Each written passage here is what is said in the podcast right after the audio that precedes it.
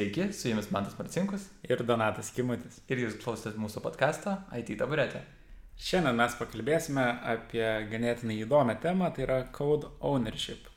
E, lietuviškai tai būtų kodo nuosavybė arba jos pasiskirstimas, bet mes naudosim tą anglišką frazę, nes jinai yra tiesiog labiau priimtinesnė ir dažniau naudojama Tikrai taip. tarp programuotojų. Tai kodėl mes apie tai kalbam? Iš esmės e, geriausia tai yra palyginti per kažkokį realų gyvenimo pavyzdį įvesti mm. tai. Ne? Tai mes pasirinkome panaudoti automobilių gamyklą. Nu ir įsivaizduoti, kad yra kažkokie skyriai ar komandos, kurios daro atskirai kapotą, variklius ir važiuoklės. Jeigu, tarkim, viena komanda, e, kuri daro kapotus, nuspręstų ateiti ir padaryti kažką varikliui, nes, nu, jiems reikia, kad kapotas ten tilptų ar būtų mažesnis kažkoks nu ir išimtų turbiną ar ką nors. Tai nelabai turbūt gerai būtų, o nukentėtų tas galutinis produktas, nu, Aha. tai ta analogija kažkaip persikelia ir į programavimą. Taip. Kiekviena komanda arba kiekvienas individas, nuprogramuojantis žmogus turi savo kodo dalį, už kurią yra atsakingas. Nu ir mes pakalbėsime, ar yra atsakingas, ar nėra atsakingas ir kokie yra tie skirtingi būdai. Tai man tai gal gali papasakoti apie tos būdus trumpai. Taip, tai mes suradom, tikriausiai, jeigu ieškotumėt e, code ownershipo internete, tai tikriausiai pirmas arba antras straipsnis būtų Martino Fowlerio ir labai elegantiškai apibūdina ir išskirsto į tris kodo nusavybės arba code ownershipus. Tai pirmasis yra stipri kodo nusavybė, tai yra kai tam tikrą kodo dalį tik viena komanda joje gali daryti pakeitimus. Aišku, tai atneša labai daug problemų, kai pavyzdžiui, nu, su kapotu ir su variklio pavyzdžiui, tai ateini pasakyti, kad varikliui man reikia sumažinti jo dydį arba e, nuimti tą turbiną ir tada tu lauki kažkiek tai laiko, kol tau tą padaro, o inži... užtrunka tie dalykai inžinierinės neprioritetas ir panašiai, nes kitiem reikia. Arba apskritai gali sakyti, kad e, iš mūsų perspektyvos tai atrodo neprasminga ir mes tiesiog taip, taip. nedarysime. Tai daug biurokratijos ir komunikacijos tarp komandų, aiškinimuose, kad svarbu, nesvarbu ir taip ir taip toliau. Antras, e, antra, kaip čia, antras tipas tai būtų tokia silpna nusavybė, tai yra tik viena komanda gali daryti pakeitimus, bet kita gali daryti, nu, pasitarus su tą, nu, nusavy, kurią nusavybę turi mm -hmm. komanda, jinai gali padaryti pakeitimus ir tada su jo sutikimu tie e, pakeitimai nu, nueina į production arba nueina kažkur tai. Uh, tai, bet čia, nu, įdomus šituo, šituo atveju, kad tada, uh, įsivaizduokim tą pavyzdį vėl su varikliu, tai galima gauti tokį muscle car atvejį, kai ateina variklio komanda, daro didesnį variklį, nori turbiną įdėti ir deda tokią didelę, kad reikia įti kapotą, iškirsti ir iškišti turbiną į paviršių, kad oro gauti ir panašiai. Ir gaunasi toks variantas. Bet tuo silpnos nusavybės atveju uh, variklio gamintojai gali ateiti ir kapotę padaryti pakeitimus, pasikonsultavę taip. su kapoto gamintojais, taip, taip. o nebūtinai laukti, kad patys kapoto gamintojai padarytų tos pakeitimus. Taip, taip. Na ir trečias tipas tai yra jokios nusavybės, jokio code ownershipo, tai visi daro pakeitimus kur tik nori. Tai reiškia, kad niekas nėra e, nuo, nuo, turintis nusavybę į tą kodą, tai jeigu tu manai, kad pakeitimas tavo yra geras, tu jį ir darai.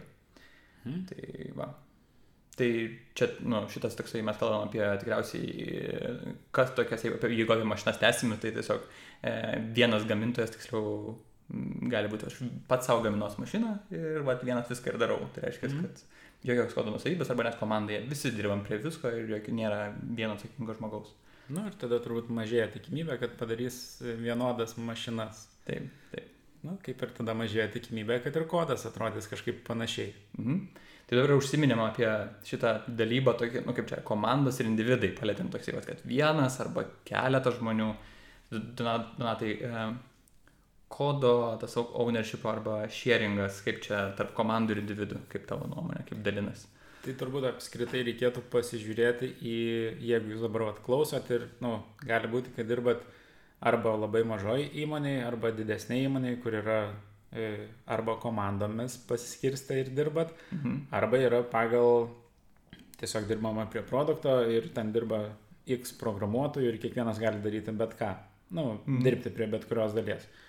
Tai tada tarp individų pasiskirstimas, jeigu žiūrėtumėm į tą mažesnę įmonę, tai jeigu ten yra stipri nuosavybė, tai kelia jau kažkokių problemų, mano mhm. manimo. Nu ir ne tik mano, bet ir straipsnių rašytojų manimų, nes tai introducina tą tokį priklausomybę nuo kažkojo žmogaus buvimo, mm. nuo jo žinių, tai padaro nepakeičiamų tą žmogų. Ir, ir tuo pačiu ir kodo kokybė gali labai nukentėti, nes gali mm. žmogus pradėti e, daryti kažką greičiau, neatsižvelgti į naujausias praktikas, nes niekas jo net neprižiūri. Ja, pradėti hackinti kažkokį, tu, tu tik tai vienas dažnai apie tos hackus, tas sistemos pakeitimai dažniausiai pasidaro labai sudėtingi, lėti ir panašiai, nes vienas žmogus daro. Tai, Taip. Ja.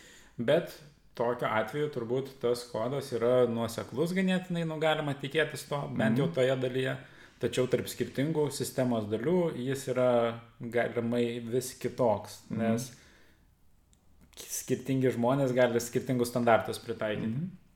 Toliau žiūrint prie individų, e, prie silpnos nuosavybės, tai panašu, kad turėtų būti gal ir visai neblogas variantas, e, dėl to, kad tada aš galiu ateiti pas mantą ir sakyti, kad, nu, aš čia ateisiu pas tave padarysiu pakeitimų, nes mm. mano sistemos daliai to reikia, bet aš turėsiu laikytis manto nustatytų taisyklių. Galimai mes dar apskritai pasikalbėsim apie tas taisyklės, mm. kad šiek tiek suvienodinti tai, ką darom ir, ir, ir va. Man atrodo mm. visai neblogas šitas. Man atrodo, kad vat, mažom, uh, mažai kompanijai ir jeigu mes dirbam ir norime efektyviausiai dirbti, tikriausiai naudingiausia yra tada, kai uh, esam specialistai savo dalių ir galim greitai kodą keisti, bet to pačiu ir jeigu reikia nu, atvesti kažkokią naują feature, padaryti tiesiog kažko tai naujo, tai tada tikrai gali ateiti ir greit padaryti tą. Nu, tai aš aišku kažkaip tai įsiterpiu į kito kodą, bet tos nesu tokia praktika, kad mes sutarėm tai, kad, kad tai yra normalu. Taip. Ir tada turim jokios nusavybės buvimą, kas mm -hmm. turbūt yra dažnas atvejis e, mažoje įmonėje kurie yra galbūt startupas, kai kiekvienas žmogus gali nueiti ir bet kur padaryti pakeitimus, nes, nu, iš esmės dar tas e, visas mūsų kodas nėra užaugęs iki tie, iki tie gal daug. Mhm. Ką tai atneša? Tai atneša turbūt tokį mini chaosą pačioj kodo struktūrai, e, tvarkingume, nuoseklume, kaip ką darom. Plus atsakomybė tada labai irgi įdomiai turbūt skirstasi, nu, visi už viską atsakingi yra. Ir mm. tas irgi nėra gal labai gerai, nes nu, tada kai visi už viską atsakingi, tai niekas nėra atsakingas nu, ir, ir gali atsirasti nemažai problemų. Mhm. Man įdomu, o kiek žvad, paminėjai, kad maža komanda startupė būtų ir vat, e, jokios atsakomybės veiktų ten, nu, tos net tas no code ownership e, startupė, kiek žmonių turėtų būti? Aš nežinau, nu, čia toks spėjimas būtų, Aha. kad tarp 5 ir 10 čia visoje mhm. įmoniai, jeigu tiek yra mhm. programuotojų, tai turbūt tas jok, jokios... E, nuosavybės, matyt, dar veiktų, aš taip įsivaizduočiau. Nors jau čia 5 ir 10 gali dvi komandas padaryti. Tai kaip ir galima būtų ir sakyti, kad neveiktų, bet manau, kad 10 toks ribinis galbūt. Mhm. O į viršų tada silpna, pavyzdžiui, nuosavybė, kas būtų, jeigu kiek kam taikytum, bet kam naudingiausia atrodo būtų. Aš silpną nuosavybę taikyčiau gal nuo trijų tada komandų, sakykim, kad išliktų nuosekliam, tai nuo, nuo trijų iki Nu, turbūt iki bet kiek. Aha. O kada? Nu, iki tas bet kiek, iki protingo skaičiaus, aišku, labai priklauso nuo projekto, prie kurio dirbam, bet tarkim nuo 3 iki 15, tada virš 15 stipri priklausomybė. Aha, ai, virš 15 jau aišku. Nu, tada sumažėja tikimybė, kad tu žinosi apie, kad pirma komanda žinos apie 15 komandos ja. kodą, taisyklės, nuostatas, galbūt ten reguliacijos yra ir didėja tikimybė padaryti kažką blogo, atėjus ten padaryti, nu, kodą. Savo kažką tai. Jo. Ja, tu nežinai, kokią įtaką padaro tavo kodas ir panašiai. Nu, ja. Taip. taip. Mhm, mhm, mhm. Tai va, bet mes dabar pakalbėjom apie e, tas priklausomybės tarp individų, kai yra individai, o tada galim pereiti turbūt ir per komandas. Mhm. Tai tarp komandžiui, tai man Taip, tai gal tu gali tada pasidalinti, kaip tu manai, e, kaip atrodo tada stipri kodo nusavybė tarp komandų. Taip, tai aš įsivaizduoju, kad stipri kodo nusavybė tarp komandų, tai, nu, čia Labai panašu tikriausiai tarp individuo lygyje, tik taip mes kada kalbam, kad komanda tada tampa individas, nu tos nereiškia kažkoks vienas organizmas, kur viduje netikriausiai arba turi silpną, arba jokios, arba gal net stiprią kodo nusavybę, nelabai svarbu, bet tikriausiai tarp komandų tada sąveika būtų tai, kad e, reiškia, nu, tos ne, kad jos yra atsakingos tiesiog už savo tą kodą kažkokį modulį arba kažką tai ir tiesiog mhm. vienos pačios ir, ir jį, nu, Čia vad kaip sakei, kad vat, kai didelį turim produktą, kad pavyzdžiui, jeigu aš dirbu su frontendu kažką tai, nu, taip pat tiesiog mm. mano darbas frontendė ir tada aš noriu pakeisti kažką tai bizniologijoje pačiam pačiam gale, nu, taip pat ten, kur ir kodas galbūt koks C, nu, kur ne, mm. neprogramuoji, kai tu reaktų kodinai. Ir tu realiai nu, neturėtum taip daryti, o to tikriausiai tos taikl, tokia taisyklė ir turėtų atsirasti, nu, tos, ne, kad negali, tiesiog tu turi pasakyti, kad man atrodo, kad čia turėtų būti po keliu aiškintis ir panašiai reikėtų, kur ateina informacija. Nu, čia tokį hardcore'inį šovį, C. ok, tai, tai čia dėl stiprios kodo nusavybės ar dėl visų? Aš manau, silpna, nu, tavasne, paimkime tiesiog gerus pavyzdžius, aš manau, kad Tai vad, stipri kodo nusavybė yra tarp labai tolimų komandų labai nu, logiška, bet pavyzdžiui, jeigu mes turim artimas komandas, kurios dirba iš esmės šalia viena kitos visiškai. Mm. Tai pavyzdžiui, aš darau, nežinau, dirbam su, irgi su mokėjimais, tarkim, ir turim vieną komandą ir antrą komandą daro panašius darbus, tik tai, kad galbūt su kažkokiais featureais skirtingais. Mm. Ir tada silpna kodo nusavybė tikriausiai būtų ta, kad E, nu, aš matau, kad man pakeitimų reikia kažkokio kitoj sistemos dalynų, tos mes, mes mm. dirbam tam pačiam domenė ar kažkur tai, tada logiška tikriausiai, kad mes galime vienas kitą padengti kažkiek tai mm. ir persidengti turbūt. Įdomus pavyzdys su mokėjimais, iš kur čia taip sugalvoja. Pirmas šovės į galvą dalykas. Taip, o tada jeigu kalbant apie komandas ir jokios nusabės, tai jokio code ownership'o neturim ir, nu, turim didelę. Įdomus sistemą, dalykas. Ne? Aš įsivaizduoju, kad e, jokio, jokios kodo nusavybės būtų, kad e, realiai tada mes turim kažkokį tikslą, kurią mes siekiam. Tai reiškia, kad arba feature'as, arba objectivas, kurio irgi pakalbėsim, bet manau, kad va, toksai mano, mūsų komandos tikslas tikriausiai yra kažką tai padaryti bet jau nebe kur ir kaip, nu, tai kur, kurioje vietoje mes galime žaisti šitą dalyką spręsti, mes tiesiog darom, kaip mums išeina. Tai aš įsivaizduoju, kad geras pavyzdys būtų tikriausiai e, cross domain komandos, pavyzdžiui, vertikalios, kurios, nu, tavas meną turi nuo pradžios iki galo e, darytų featuresus. Ir nesvarbu, tai reiškia, kad mes niekada negrįžtame į tą pačią vietą, mes einam į kitą vietą, į mm -hmm. kitą vietą ir mhm. panašiai. Tekrinam, kas yra svarbiausia toks atrodo kambaninis būtų tipo stilius. Tu gauni taską, kur reikia padaryti per visą produktą mm. skersai ir tada tu gauni kiekvieną kartą vis naują, visiškai kitai vietai. Ir panašiai. Čia didžiulė betvarkė turėtų būti, iš tikrųjų, tas manęs čia tikriausiai kiek sinchronizacijos reikia tarp komandų. Jeigu būtų dvi komandos tokios, tai gal, nu, tipo, logiška, jeigu daugiau, tada jau matau. Na, nu, aš galvoju, kad toksai jokios nusavybės, nu, bet vėlgi, jok, visiškai jokios nusavybės, gal čia labai jau drastiška tą sakyti, bet iš esmės galėtų veikti kažkokiuose produkto komandose, kur produktą turiu omenyje kaip padarytą bazę ir tada yra komandos, kurios paleidinėja tą projektą skirtingiems vendoriams. Nu, tai tarkim, e, paleidžia bitai, Tele2, e, Telia ir kažkam, nu, kažkokiem mobiliojo ryšio operatoriams ir tiesiog kustomizuoja. Mm. Nu ir tada mes kaip ir nepriklausomai veikiam, editinam turbūt panašius dalykus, bet ten greičiausiai vis tiek būtų viskas atskirta. Nu, bet kažkas tokio turbūt veiktų. Mm -hmm. Mm. Gal veiktų tikriausiai. Kodo, tokios bent nieks kaip ir neatsakingas už kažkokio kodo korinę dalį tikriausiai šitoje vietoje. Gerai, tai pakalbėjom apie komandas, apie individus, e, apie komandų dydžius ir, ir pačios įmonės dydžius. Tai turbūt galim pažiūrėti dar iš vienos perspektyvos, tai yra iš tai, kokį kodą mes turim. Ar tas mhm. kodas yra monolitas, ar dar gal kitoks. Tai ir mhm. pradėkim tada nuo monolito. Taip. Tai monolitas, tiem, kas nežino, yra didelė aplikacija, kur kodas yra vienam projekte greičiausiai ir tiesiog ten yra labai daug kodo, niekas nepasiskaidyta, deploymentas greičiausiai irgi vyksta per vieną kartą, tai yra deploynama viskas Tai man tai, kaip manai, e, kokia tenai yra specifika ir jeigu pasirinktumėm kažkuria iš šių e, code ownership būdų? Mhm. Aš manau, kad e, aš galvoju tiesiog iš praktikos, man atrodo, kad yra monolitai tikriausiai, jeigu turėsim daugiau nei vieną žmogų ir, ir komandą galbūt labiau, tada silpna nusavybė būtų logiškiausia. Dėl to, kad nu, vis tiek daugiau mažiau atsakingas aš esu už savo dalį ir kad monolitas toje vietoje gerai veiktų, pavyzdžiui.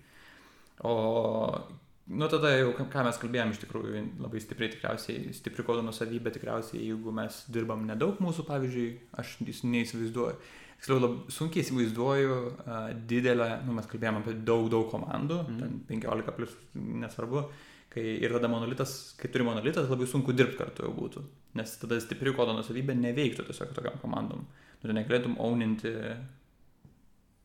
dalies to monolito tikriausiai labai sunku būtų, nes jisai tikriausiai labai stipriai susijungęs yra ir panašiai, kodėl monolitas lieka. Mhm. Čia tikriausiai kaip monolito problema yra, tikriausiai monolitas yra tiesiog kodėl neišskaidomas į tam tikras atsakomybės dalis, dėl to, kad tikriausiai yra technical depto tiek, kad neina jos tvarkyti. Tai nu, manau, kad turbūt galima paskaidyti į tam tikrus modulius, kad nu, jo. suminimizuoti tą vat, riziką, kurią tu dabar vat, papasakai. Jo, tai tada jeigu vat, minimizuojant va, šitą riziką, tai tada stipri kodo nusavybė įmanoma.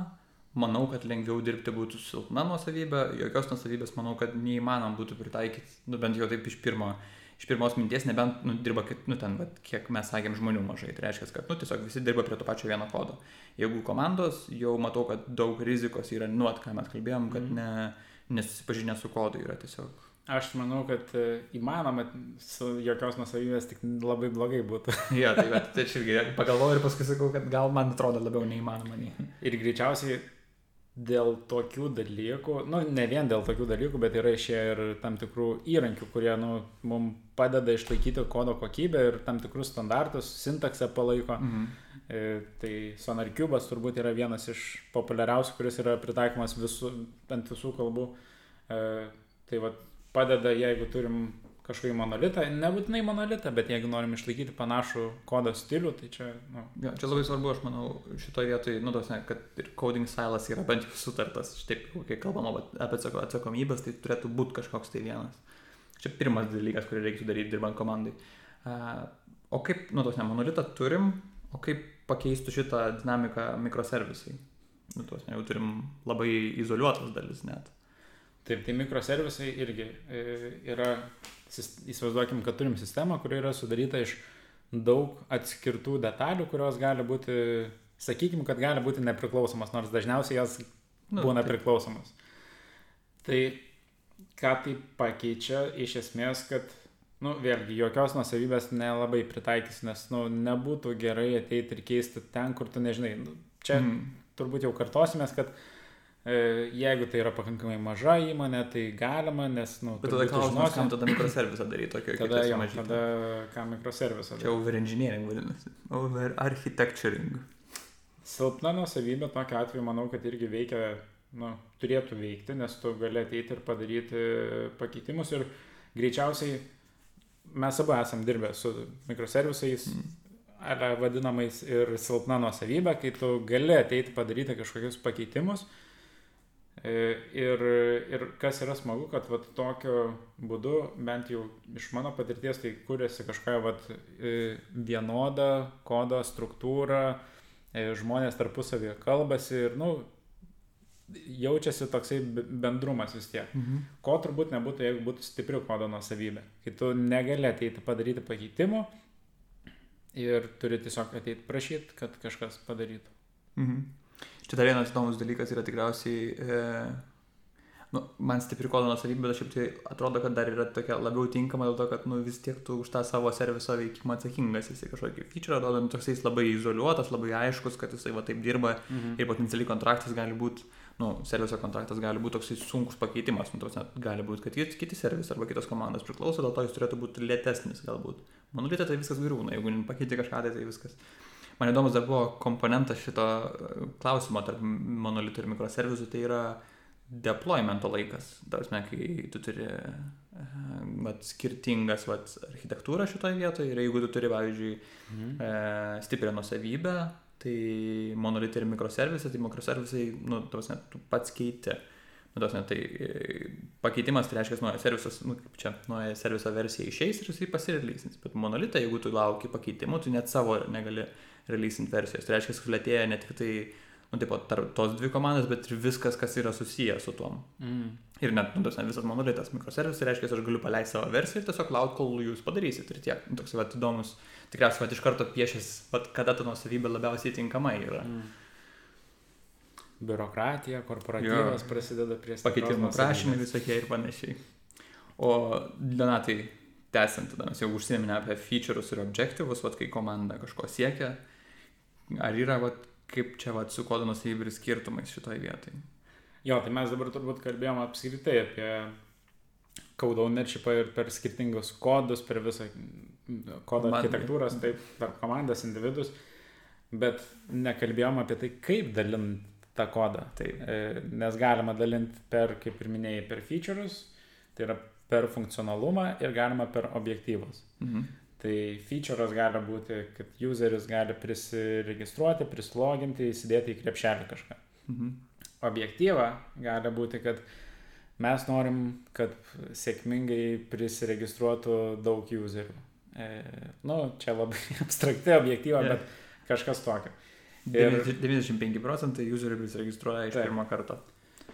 Tai koksai yra skirtumas pagrindinis tarp jų, tai yra turbūt irgi feature'ai taip labiau e, turbūt žaidžia su e, stipria arba silpna nuosavybė. Kur, e, nu, mes turim kažkokį feature, už kurį esame atsakingi, mes ten darom pakeitimus, jeigu nori ten pakeitimą, teikit pas mus pasiprašykit. Ir čia jau nuo įmonės ar nuo komandų susitarimų priklauso, ar ten bus silpna nuosavybė ar nebus. Objektyvos e, labiau dirba su turbūt silpna ir jokios nuosavybės. Mhm. Stipri čia negalėtų jau būti, nes jeigu mes turim labai panašias objektyvas, ne tiek, kad gal panašias objektyvas, bet objektyvas, kurios įsivykdo pakeičiant tą patį kodą. Tai, nu, mes eisim tą kodą ir keisim paprasčiausiai, nes, nu, taip yra logiškiausia.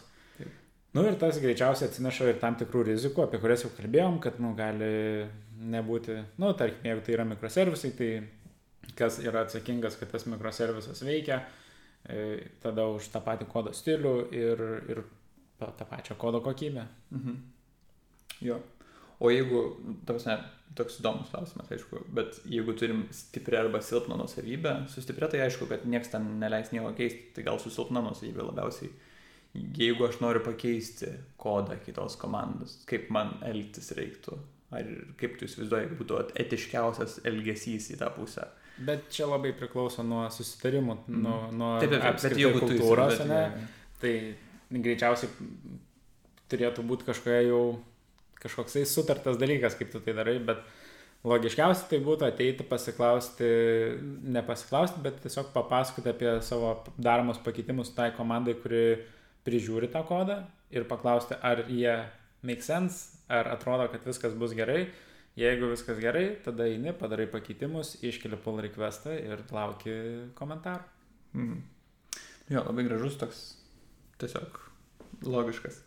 Man įdomu dar, e, gal į pabaigą e, klausimas. E, kaip manai praktikoje, kuris labiausiai tau, vat, tau pa, pačiam arčiausiai širdies? Hmm. Kurį aš norėčiau labiausiai naudoti. Tai yra, e, jeigu tai būtų ne startupas, Ne, ne, jeigu tu vat, pats norėtum, nelabai svarbu, kur, tiksliai, jeigu vat, aš, tai, tai tikrai, tikriausiai parodytų, kur arba norėtum. silpna, arba jokios. Mhm. Stiprios niekada nenorėčiau. Nenorėtum stiprios. Okay. Ne. Okay. Stiprios, e, stipri kodo nusavybė, pa, nu, čia vėlgi galiu save paaiškinti tru- truputį. Stipri kodo nusavybė yra, nu, paimkim didžiulę įmonę, kuri turi e, 10 tūkstančių plus darbuotojų. Mhm. Ir tarkim, iš tų 10 plus tūkstančių darbuotojų, tūkstantis yra programuotojai. Nu ir sistemos yra milžiniškos. Nu, tai logiška turėti stiprią nuosavybę tarp kažkokių departamentų ar komandų, nes, nu, kitaip tai ten tiesiog, nu, neveiks. Taip. Bet tarp departamento, nu, tarkim, tarp to glaudesnio sąryšio, jeigu ir tenai yra stipri kodo nuosavybė, tai jau yra blogai. Mhm. Nes, na, tai sudaro, kaip ir minėjom, tą papildomą laiką, iki kada mes galim išeiti į produkciją, nu, tai tiesiog, nu, pa, Trintis. papildoma trintis. Jo, tikrai daug trinties iš tikrųjų komunikacijų ir... Tai jeigu tokioje vietoje mes neturim silpnos nuosavybės, tai manau, kad nėra labai gerai. O jokios nuosavybės, tai jeigu tai būtų labai mažas produktas, tai manau, kad tikrai logiška turėti jokios nuosavybės, jį tiesiog daryti Mhm. kaip įmanoma greičiau, varyti, damu. Release, release, release. Release, release, release. Gerai. O kokią, kokią, kokią tu Ai, matai? aš. Aha. E, man irgi stilpna ir jokios nusavybės atrodo artimiausia, nu, artimiausia yra tokia, kur vat, norėtų dirbti, dėl to, kad aš manau, kad gal iš tos pusės, kad daug žmonių gali daugiau kartu padaryti. Tai reiškia, kad jeigu mes ribojam, kiek žmonių gali kažką padaryti, tai akivaizdu, kad mūsų outcome'as bendras, tas produkt, nu, kiek čia mes kodo padarom iš tikrųjų, arba vat, kiek feature atnešam, tai sulėtėja stipriai. Jeigu mes bent kažkiek ribot pradedam ir panašiai, tai mes nulėtesni daug pasidarom ir reiktų, man atrodo, visą laiką žiūrėti, kur yra kokia strategija, tikslai ir panašiai. Nu, tai featuresas ar tai objektyvas yra ir va, jeigu leidžia tai pasiekti jos ir tai yra iš tikrųjų va, tikrai taip ir bus, man atrodo, va, jos va šitos dvi ownershipo, ownershipo tipai yra patogiausi. Jo, ir aš, jeigu čia kas nors klauso iš menedžerio ar iš kažko, tai labai skatinčiau nepradėti įvedinėti procesų, kurie skatina stiprią kodo priklausomybę. Mm -hmm Jeigu atėjo kažkas ir pakeitė ir sugriovė ten vieną kartą kodą ar dar kažką, tai aiškinkitės konkrečiai tą situaciją ir spręskit, kad tai nepasikartotų, bet neintroducinkit kažkokių procesų, kurie sulėtins visus. Mhm. Ir, na, nu, iš esmės už kelių žmonių neapdairumą ne, nereikėtų bausti visų. bausti visų, kur paskui... Geras patarimas iš tikrųjų. Kur visi paskui kenties. Nežinau, turbūt tiek Ar dar nori? Viskas, tiek. Taip. Tiek. Tai buvo tikrai, manau, įdomi įdomu. diskusija. Mm. Man buvo įdomu. Man, man irgi. Tikimės, kad buvo įdomu ir jums. Ir susimatysime kitą kartą. Iki. Iki.